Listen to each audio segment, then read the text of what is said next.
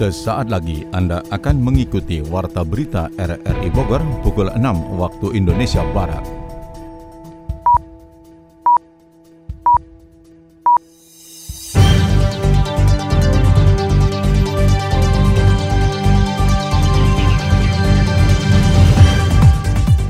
Selamat pagi. Saudara, kami hadir kembali lewat Warta Berita Minggu 28 Agustus 2022 dan Warta Berita akhir pekan kami isi dengan rangkuman berita sepekan. Siaran ini juga dapat Anda dengarkan melalui audio streaming RRI Play dan dapat Anda dengarkan kembali melalui podcast kami di Spotify, Anchor, Podtail, dan Google Podcast. Warta berita RRI Bogor ini juga turut disiarkan Radio Tegar Beriman Kabupaten Bogor.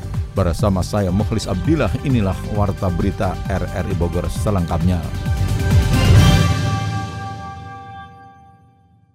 Saudara pemerintah Kota Bogor siap menggelar pembelajaran tatap muka PTM 100% di seluruh jenjang sekolah. PTM 100% itu rencananya dimulai awal September nanti. Kita simak catatan Adi Fajar Nugraha. Pemerintah Kota Bogor berencana menggelar pembelajaran tatap muka PTM 100% di seluruh jenjang sekolah. PTM 100% direncanakan akan berjalan pada awal September 2022. Kepala Seksi Kesiswaan SMP Dinas Pendidikan Kota Bogor Wasi Jatmiko mengatakan, saat ini sekolah masih mempersiapkan seluruh sarana penunjang protokol kesehatan. Proses monitoring dan evaluasi pun secara rutin dilakukan di Kota Bogor guna memastikan kegiatan belajar mengajar secara penuh dilakukan dengan mengutamakan keamanan, kenyamanan, dan kesehatan siswa siswa maupun pengajar di sekolah. Terkait dengan rencana 100% di bulan September ini, kita pun sedang berencana dan mempersiapkan segala sesuatunya. Sebagai contoh misalnya infrastrukturnya, sarana prasarana sekolahnya, dan juga SDM dan siswa-siswanya itu sendiri. Yang mana kita sama-sama berdoa, berharap tidak lagi ada lonjakan COVID sehingga PTN satu kan bisa terselenggara. Sebenarnya selama ini pun proses verifikasi tetap berjalan. Karena kan banyak juga kita melalui pengawas, pembina sekolah masing-masing, dan kemudian dari kita sendiri kadang turun ke sekolah-sekolah untuk melihat kesiapan sekolah. Karena kan berdasarkan pantauan dari beberapa pengawas yang memang sebagai pengawas pembina, sekolah-sekolah pada intinya sudah siap dengan infrastruktur mereka. Jatmiko juga menjelaskan kegiatan lain di luar pembelajaran juga secara bertahap akan dilaksanakan di sekolah dengan tetap mengedepankan protokol kesehatan kesehatan. Para siswa juga nantinya akan diberikan bimbingan untuk kembali beradaptasi dengan kondisi pembelajaran 100%. Ini secara bertahap. 100% itu pun juga memang kita dalam hal 100% tidak sampai langsung belajar full 100% enggak. Tapi justru kita dalam 100% itu pun kita harus melakukan pengenalan dan pembiasaan baru untuk siswa-siswi. Artinya selama ini mungkin masih 50% melihat suasana sekolah agak lengang. Nah sekarang kan dengan 100% kan berarti pasti akan lebih padat. Pembiasaan-pembiasaan baru itu yang harus kita ajarkan kembali para siswa-siswi untuk selalu menjaga jarak, kemudian tetap mematuhi prokes, hmm. karena kan tentunya jumlah anak yang ada di lingkungan sekolah akan bertambah. Sementara itu, Distrik tengah berkoordinasi meminta rekomendasi dari Dinas Kesehatan Kota Bogor, apakah PTM 100% memungkinkan dijalankan atau tidak. Setelah mendapatkan rekomendasi, Dinas Pendidikan akan membuat surat edaran ke seluruh jenjang sekolah, mulai dari PAUD, TK, SD, dan SMP sederajat, sedangkan SMA sederajat yang berada di bawah naungan kantor cabang dinas KCD Pendidikan Provinsi Jawa Barat telah menggelar PTM 100% sejak lama. Tersangka kasus korupsi bantuan bencana alam Kabupaten Bogor SM yang juga sekdis Pradagin setempat tidak memenuhi panggilan ketiga Kejaksaan Negeri Kabupaten Bogor. Yofri Haryadi menurunkan laporannya. Tersangka kasus korupsi bantuan bencana alam Kabupaten Bogor SM yang juga Sekdis Perdagin Kabupaten Bogor melarikan diri dari panggilan ketiga Kejaksaan Negeri Kabupaten Bogor. Pelarian itu pun diketahui setelah tim jemput paksa Kejaksaan Negeri Kabupaten Bogor mendapati kediaman SM kosong dan tidak ada penghuni. Tidak hanya di rumah tinggalnya di kawasan Cibinong, Seksi Intel Kejaksaan Negeri setempat juga mendatangi kantor Dinas Perdagangan dan Perindustrian Kabupaten Bogor untuk mencari SM. Kepala Seksi Pidana Khusus Kejaksaan Kejaksaan Negeri Kabupaten Bogor Dodi Wiratmaja mengatakan di surat pemanggilan kedua tersangka tidak menyanggupi panggilan kejaksaan karena sakit dan setelah lepas dari izin istirahat untuk memenuhi panggilan ketiga pada 29 Juli SM juga tidak memenuhi panggilan. Melakukan upaya paksa kita yaitu melakukan penangkapan karena kan dari pihak tersangka S ini tidak kooperatif baik itu dari mulai panggilan pertama, panggilan kedua dalam posisi sakit. Kemudian dari surat sakitnya juga jangka waktunya hanya tiga hari ternyata lebih dari situ tetap tidak memenuhi panggilan kita. Pada hari ini kita melakukan pencarian terhadap dan HP ya semua sudah tidak aktif. Dengan rumah dan apa keluarganya semua kan sudah kita cek semua. Mungkin pergia rombongan ya kan. Hingga Selasa siang, Kejaksaan Negeri Kabupaten Bogor tidak mendapatkan kabar dari SM maupun keluarga terlebih kuasa hukum bersangkutan setelah dilakukan pemeriksaan dalam status kepegawaian, SM sejak 29 Juli hingga Agustus tercatat masuk kerja, namun tidak melakukan tanggung jawabnya sebagai PNS. Bukti itu pun sudah mencukupi dakwaan pemutusan status sebagai PNS pada Dinas Perindustrian dan Perdagangan Kabupaten Bogor. Di dinas pihak tersangka S ini masih menandatangani. Saya mintakan sama pihak bagian umum siapa yang nyuruh menandatangani ini. Ya tersangka S untuk tetap mendapatkan gaji tersebut. Makanya dari sini saya bilang, ya sudah kalau memang begitu tidak perlu dimintakan gaji terhadap itu. Kalau memang masih dibayarkan kalian salah. Karena posisi tidak masuk kantor. Nah ini kan tidak ada alasan dari tanggal 29 sampai sekarang status PNS-nya. Makanya kita ya kalau terkait dengan sisi kooperatifnya dia itu tidak ada. Kalau kita bicara hukuman ya otomatis karena sejak awal dia sudah tidak mengikuti proses hukum yang ada. Tersangka SM dinilai tidak kooperatif. Kejaksaan Negeri Kabupaten Bogor menerbitkan surat pencekalan dan daftar pencarian orang DPO. SM secara bersama-sama saat menjabat sebagai kabit pada Badan Penanggulangan Bencana Daerah Kabupaten Bogor melakukan manipulasi dana bantuan bencana alam yang merugikan keuangan negara sebesar 1,7 miliar rupiah. Meski dikembalikan, proses hukum tetap berlanjut. Cafe X Holy berganti nama, pemerintah Kota Bogor mengawasi operasionalnya agar tidak ada peredaran miras. Sony Agung Saputra menyampaikan laporannya.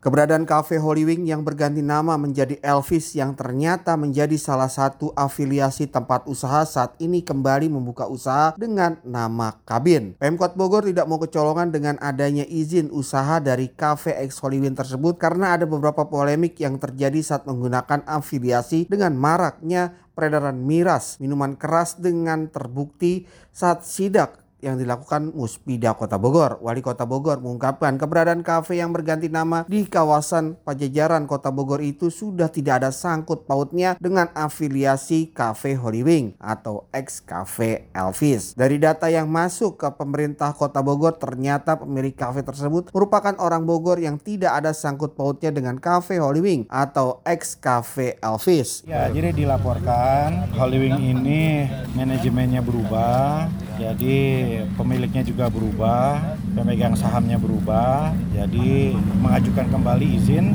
Ya saya bilang ya selama konsepnya tidak sama dengan Holy Wing, ya selama konsepnya sama dengan tempat-tempat yang lain, ya silakan saja. Ya kan kita tidak mungkin mengalami berusaha ya.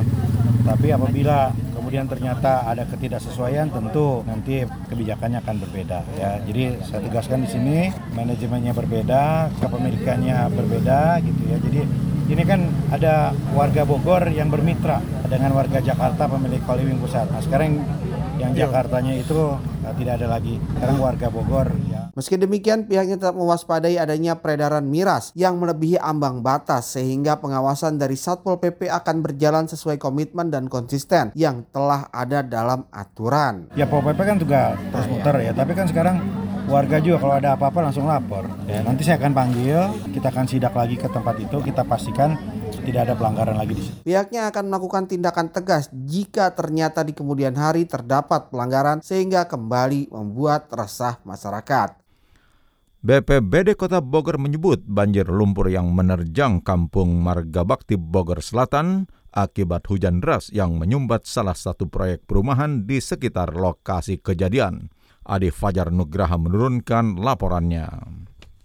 Hujan deras yang terjadi pada minggu lalu menyebabkan rumah warga di Kampung Marga Bakti Kelurahan Kartamaya, Kecamatan Bogor Selatan, Kota Bogor terendam banjir lumpur. Akibat kejadian ini belasan keluarga yang berada di RT 1 RW 2 terpaksa harus mengungsi ke tempat yang lebih aman. Suhadi warga sekaligus saksi mata di lokasi mengungkapkan, awalnya hujan yang turun tidak menyebabkan banjir, namun memasuki malam harinya hujan semakin deras menyebabkan panahan tebingan di sekitar lokasi longsor sehingga menyebabkan banjir lumpur masuk ke pemukiman warga. Hujan kan gede hujan pertama itu ya kecil ke sininya saya udah rapiin udah bersih susulan yang kedua baru itu saya nggak berani lihat itu udah roboh tebing ya udah saya mundur Di sini 80 cm, 11. 11. Ya, elektronik mah banyak hancur. Sementara itu, Kepala Pelaksana BPBD Kota Bogor, Teofilo, mengungkapkan kejadian itu berawal dari hujan deras yang mengakibatkan drainase tersumbat dari salah satu proyek perumahan yang ada di sekitar lokasi kejadian. Hal itu lalu menyebabkan air tidak tertampung dan meluap membanjiri rumah warga dengan membawa lumpur. Saat ini pun pihaknya telah melakukan evakuasi dan pembersihan di lokasi, dibantu dengan Dinas Pemadam Kebakaran untuk menghilangkan sisa lumpur yang tingginya diperkirakan mencapai 40 cm. Ya, itu ada motor kurang lebih ada 6, 6 motor, 6 unit ya. Oh, hampir hampir selu, hampir se, 40 cm ya mendekati ke lutut. Kita ini sementara ini pakai pompa apung untuk menyedot air untuk nyemprot membuat gembur agar dialirkan ke aliran sungai yang dibawa. Juga kita udah mengontak ke Pak Kadis Damkar dan teman-teman dari pemadam kebakaran membantu juga untuk uh, menggemburkan mulai dari atas maupun yang di bawah. Teo menambahkan saat ini pihak proyek perumahan telah mendata semua kerugian yang ada untuk memberikan bantuan. Lantaran kejadian itu merupakan imbas dari proyek pembangunan perumahan. Selain berdampak ke rumah warga, Teo menjelaskan kejadian itu juga mengakibatkan lumpur mengalir melintasi jalan raya. Kemudian terdapat tebing tanah yang longsor sepanjang 12 meter dengan tinggi 8 meter. Wakil Wali Kota Bogor Dedi A. Rahim menilai banyak sekali potensi ekonomi masyarakat di wilayah Kecamatan Bogor Utara. Saat berkunjung ke sejumlah RW di Kelurahan Ciluar Kecamatan tersebut hari Jumat melihat banyak masyarakat yang mempunyai bidang usaha yang sebetulnya bisa terus dikembangkan.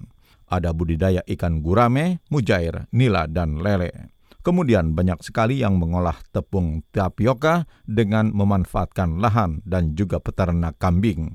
Tinggal kata Dedi, bagaimana kolaborasi bisa diciptakan. Semisal dinas-dinas yang memiliki bibit, benih, pupuk hingga mesin pertanian sehingga segera bisa dimanfaatkan oleh masyarakat terutama masyarakat yang mungkin selama ini belum memiliki akses sehingga berbagai potensi itu harus diberikan akses yang baik. Akses dimaksud berkaitan erat dengan pembangunan infrastruktur seperti perbaikan dan pelebaran jalan. Wakil Wali Kota Bogor itu menyatakan jika situasi keuangan daerah sudah membaik, ke depan akses semacam itu bisa menjadi prioritas. Saudara, Anda tengah mengikuti rangkuman berita sepekan dari Radio Republik Indonesia Bogor. Pemerintah Kabupaten Bogor akan tetap mengucurkan dana samisade untuk 415 desa melalui alokasi anggaran APBD sebesar 392 miliar rupiah. Berikut catatan Yofri Haryadi. PLT Bupati Bogor Iwan Setiawan kembali meyakinkan kepada kepala desa yang mengusulkan bantuan infrastruktur dalam program 1 miliar satu desa akan tetap diberikan untuk 415 desa dengan alokasi anggaran APBD mencapai 392 miliar rupiah. Namun di sisi lain ada kesimpang siuran informasi yang beredar adanya hambatan dalam pencairan dana Samisade tersebut lantaran masih adanya desa yang belum mengumpulkan pelaporan penggunaan dana Samisade tahun 2021.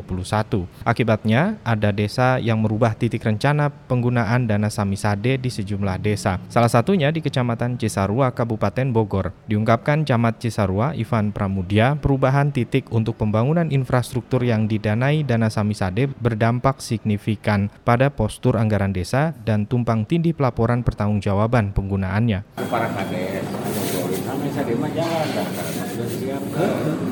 tinggal nanti perubahan perbuknya belum selesai. Mungkin sekarang itu kan banyak kepala desa yang sekarang merubah proposal. Kata jadi masalah apa nanti? SK Bupati sudah turun, sudah jadi. Banyak yang merubah titik. Jadi tumbang ini dua, program PUPR tidak bisa dijalankan, hmm. sami sadege digeser. Itu masalahnya terkait revisi Perbub yang menjadi payung hukum pencairan dana Samisade yang masih terhambat di Kemendagri, PLT Bupati Bogor Iwan Setiawan mendapat informasi terbaru. Dokumen revisi Perbub kini sudah di tangan Gubernur Jawa Barat. Adapun jika terjadi pembatalan pencairan karena terkendala regulasi, hal itu tidak berdampak signifikan terhadap laporan keuangan daerah nantinya. Camat dan UPT boleh menolak. Dan ini mah kewenangan kabupaten atau iya, iya. kami tadi mah dari pusat. Itu diberi terjadi satu desa gitu masalah. Tidak masalah kok kami menyetop satu desa gitu. Dasarnya apa kekhawatiran. Oke, cerita ya. Ingat ya Kades, saya minta tidak boleh berpolitik. Maksudnya partisan ke satu parpol. Anda itu kan mencalonkan jadi kades itu mengundurkan diri dari organisasi politik kan ada klausulnya ya itu tolong dan tegakkan demokrasi Kekhawatiran dari pengambil kebijakan terkait dana Samisade adalah terjadinya duplikasi laporan program atau kegiatan dan menjadi temuan BPK pada tahun berikutnya. Yang semula kegiatan dan infrastruktur yang dibangun sumber dananya dianggarkan dari Samisade lalu berubah dari sumber berbeda. Sementara laporan pembangunan dan usulan sudah terdata pada Dinas Pemberdayaan Masyarakat dan Desa. Pemerintah didorong untuk mengambil opsi dan kebijakan yang tepat dalam menyikapi kenaikan harga minyak dunia. Kita simak catatan Adi Fajar Nugraha. Pemerintah didorong untuk mengambil opsi dan kebijakan yang tepat dalam menyikapi kenaikan minyak dunia yang berefek pada beban APBN dalam menanggung BBM bersubsidi. Desas-desus kenaikan harga BBM subsidi jenis Pertalite dan Solar kian menguat setelah sejumlah menteri membicarakan mengenai beban subsidi yang semakin membengkak. Hal tersebut juga dinilai pengamat energi akan semakin membebani APBN dan rantai pasok BBM subsidi akan terganggu. Direktur Eksekutif Energi Watch Indonesia, Mamit Setiawan mengungkapkan bahwa menaikkan harga BBM menjadi opsi yang cukup rasional sebab beban subsidi yang berasal dari APBN telah melebihi batas. Bahkan menurut perhitungannya, bahwa kuota BBM subsidi Pertalite dan Solar diperkirakan akan habis pada Oktober 2022 jika tidak dilakukan pembatasan kuota sesuai dengan anggaran subsidi yang ditanggung APBN. Kalau kita melihat bahwa sebenarnya berdasarkan perhitungan kami itu kita akan pasokan kuota untuk Pertalite dan Solar ini sebenarnya akan habis di bulan Oktober 2022 ini. Makanya tim sampai saat ini ada terjadi beberapa laporan adanya kelangkaan untuk Pertalite maupun solar subsidi di beberapa wilayah termasuk di Bogor saya kira juga terjadi jadi memang kondisinya saat ini itu kuota ini sudah di atas 50 persen bahkan hampir 60 persen yang sudah terpakai. Sedangkan kan kita masih cukup panjang ya baru sampai pertengahan tahun masih ada. Jadi diperkirakan kalau tidak ada pembatasan ataupun tidak ada suatu kebijakan maka akan over kuota. Jika pemerintah tidak segera mengambil kebijakan cepat, maka beban keuangan negara akan semakin berat. Selain menaikkan harga BBM, opsi lain yang bisa diambil lanjut Mamit ialah keseriusan pemerintah untuk membatasi kuota BBM bersubsidi. Subsidi yang dikeluarkan pemerintah harus dipastikan tepat sasaran agar tidak melebihi batas yang telah ditentukan. Salah satu solusinya adalah dengan melakukan penyesuaian harga terhadap Pertalite maupun solar subsidi ini menjadi salah satu opsi ya. Kalau berdasarkan perhitungan kami bahwa untuk kita menambah 5 juta kiloliter pertalite dan satu setengah juta solar subsidi sampai akhir tahun itu, maka dibutuhkan dana kurang lebih hampir 65 triliun. Ini kan sepertinya sudah kemarin uh, di 502 triliun. Kalau misalnya ada nambah kuota bisa nambah lagi 65, hampir 600 triliun kan ini sangat luar biasa. Di opsi lain, pemerintah melakukan pembatasan terhadap BBM penugasan maupun jenis tertentu ini sehingga subsidi akan menjadi tepat sasaran dan sesuai dengan yang diharapkan oleh pemerintah. Di sisi lain, pengamat ekonomi sekaligus dekan Fakultas Ekonomi Universitas Pakuan Bogor, Dr. Hendro Sasongko berpendapat bahwa pemerintah harus tetap menggelontorkan subsidi dalam rangka menjaga aktivitas ekonomi dan daya beli masyarakat. Namun pemerintah harus betul-betul memastikan bahwa subsidi yang dikeluarkan tepat guna dan tepat sasaran langsung kepada masyarakat yang berhak menerimanya. Saya kira bagi pemerintah menurut saya subsidi jelas harus ada, tapi harus bagaimana subsidi itu katakan betul-betul kena terhadap di ultimate receivernya. Itu penting sekali. Persis itu tepat sasaran. Jadi bagaimana membuat skema katakan tarif ya tarif listrik termasuk juga listrik BBM yang tepat sasaran tadi yang katakan mengena di ultimate receiver tadi. Sinyal kenaikan harga BBM terus menguat disebabkan oleh beban subsidi BBM dan kompensasi energi yang membengkak pada tahun 2022 yang mencapai 502 triliun rupiah. Kenaikan harga BBM non subsidi juga sebelumnya telah dilakukan oleh pemerintah. Kenaikan harga BBM dipicu akibat harga minyak dunia yang sedang tinggi dan kondisi ekonomi global yang sedang bergejolak akibat perang Rusia dan Ukraina. Pemerintah Kota Bogor berencana menyatukan semua perda pajak dan retribusi menjadi rancangan perda pajak daerah. Berikut catatan Sony Agung Saputra.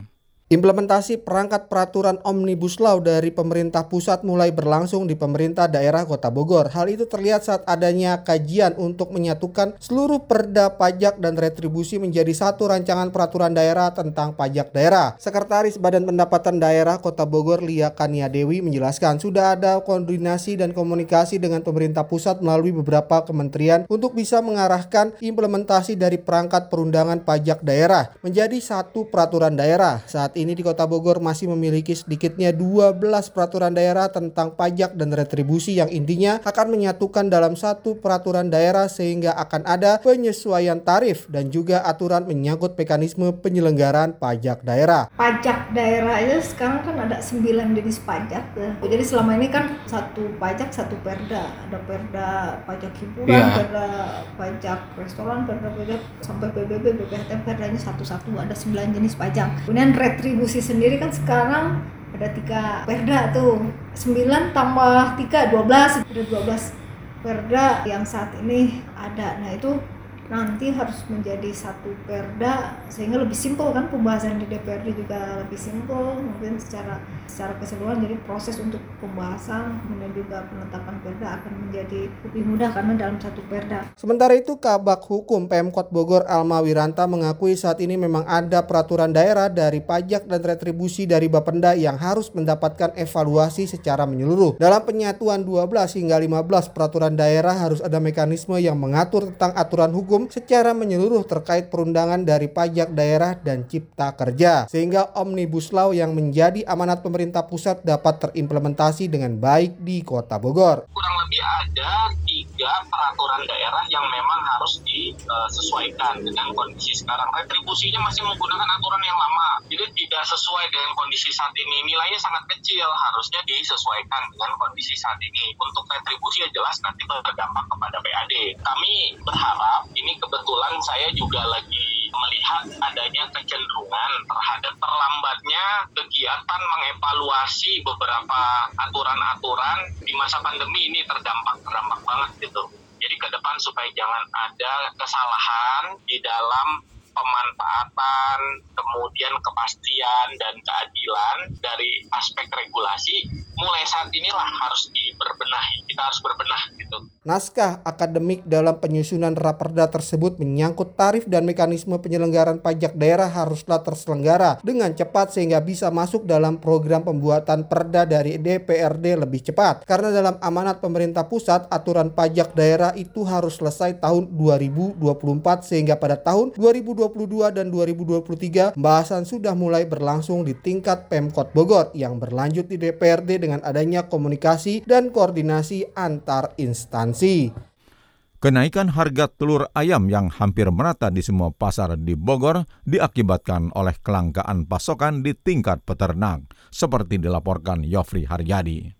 Kenaikan harga telur ayam yang terjadi merata hampir di seluruh pasar di Kabupaten Bogor ditanggapi Menteri Sosial Tri Risma hari ini. Berkaitan dengan informasi yang beredar di tengah masyarakat, kenaikan harga telur ayam disebabkan kelangkaan telur ayam di level peternak ayam di setiap daerah karena hasil ternak telur mereka diborong untuk program bansos atau bantuan pangan non tunai (BPNT). Seperti dikatakan Kepala UPT Pasar Citerep Kabupaten Bogor Endang Iskandar, harga telur ayam di Pasar Citerep Kabupaten Bogor 31.000 Rp15.000 per kilogramnya. Untuk di Citerep 2, harga telur sudah memasuki harga Rp31.000 per hari ini per kilo.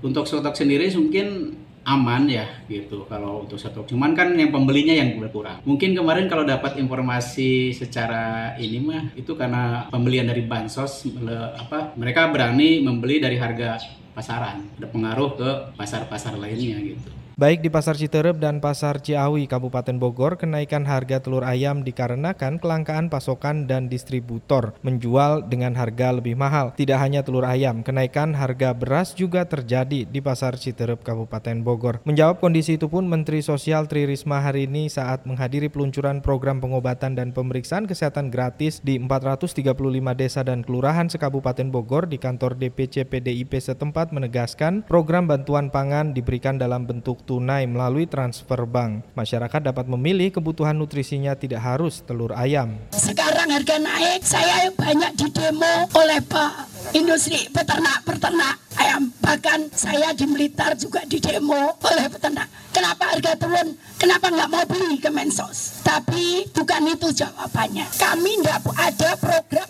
berikan dalam bentuk natura, baik beras maupun telur maupun apa pun nggak ada.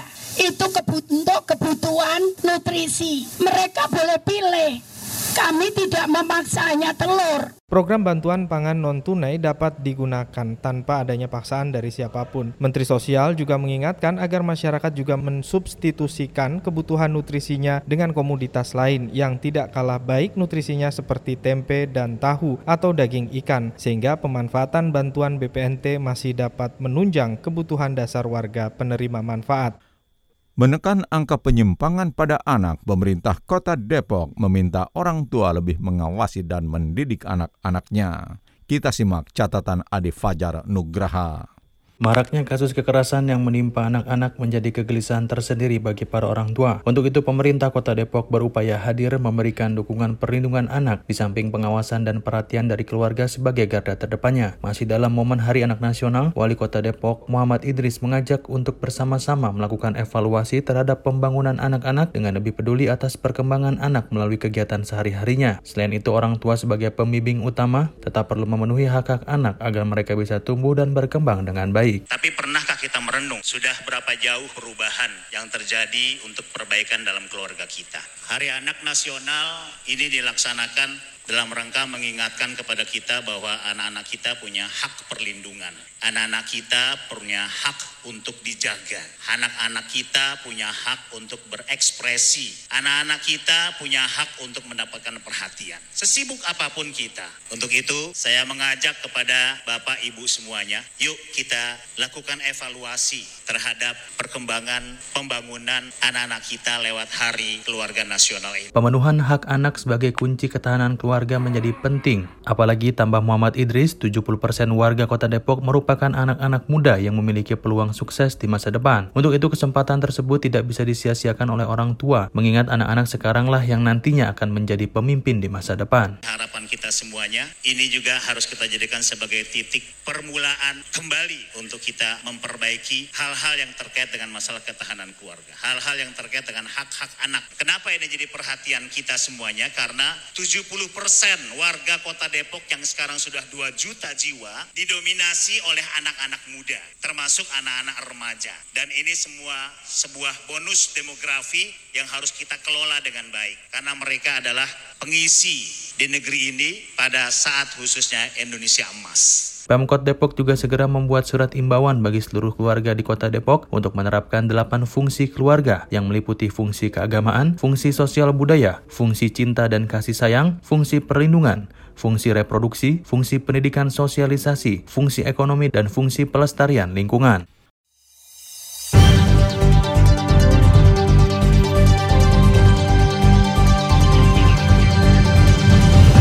Saudara, demikian rangkuman berita sepekan dari Radio Republik Indonesia Bogor. Siaran ini dapat Anda dengarkan kembali melalui podcast kami di Spotify, Anchor, Podtail, dan Google Podcast. Saya Mukhlis Abdillah merangkap Des Editor bersama penata teknik Mahdi Nur mengucapkan terima kasih atas kebersamaan Anda. Selamat pagi dan selamat berakhir pekan.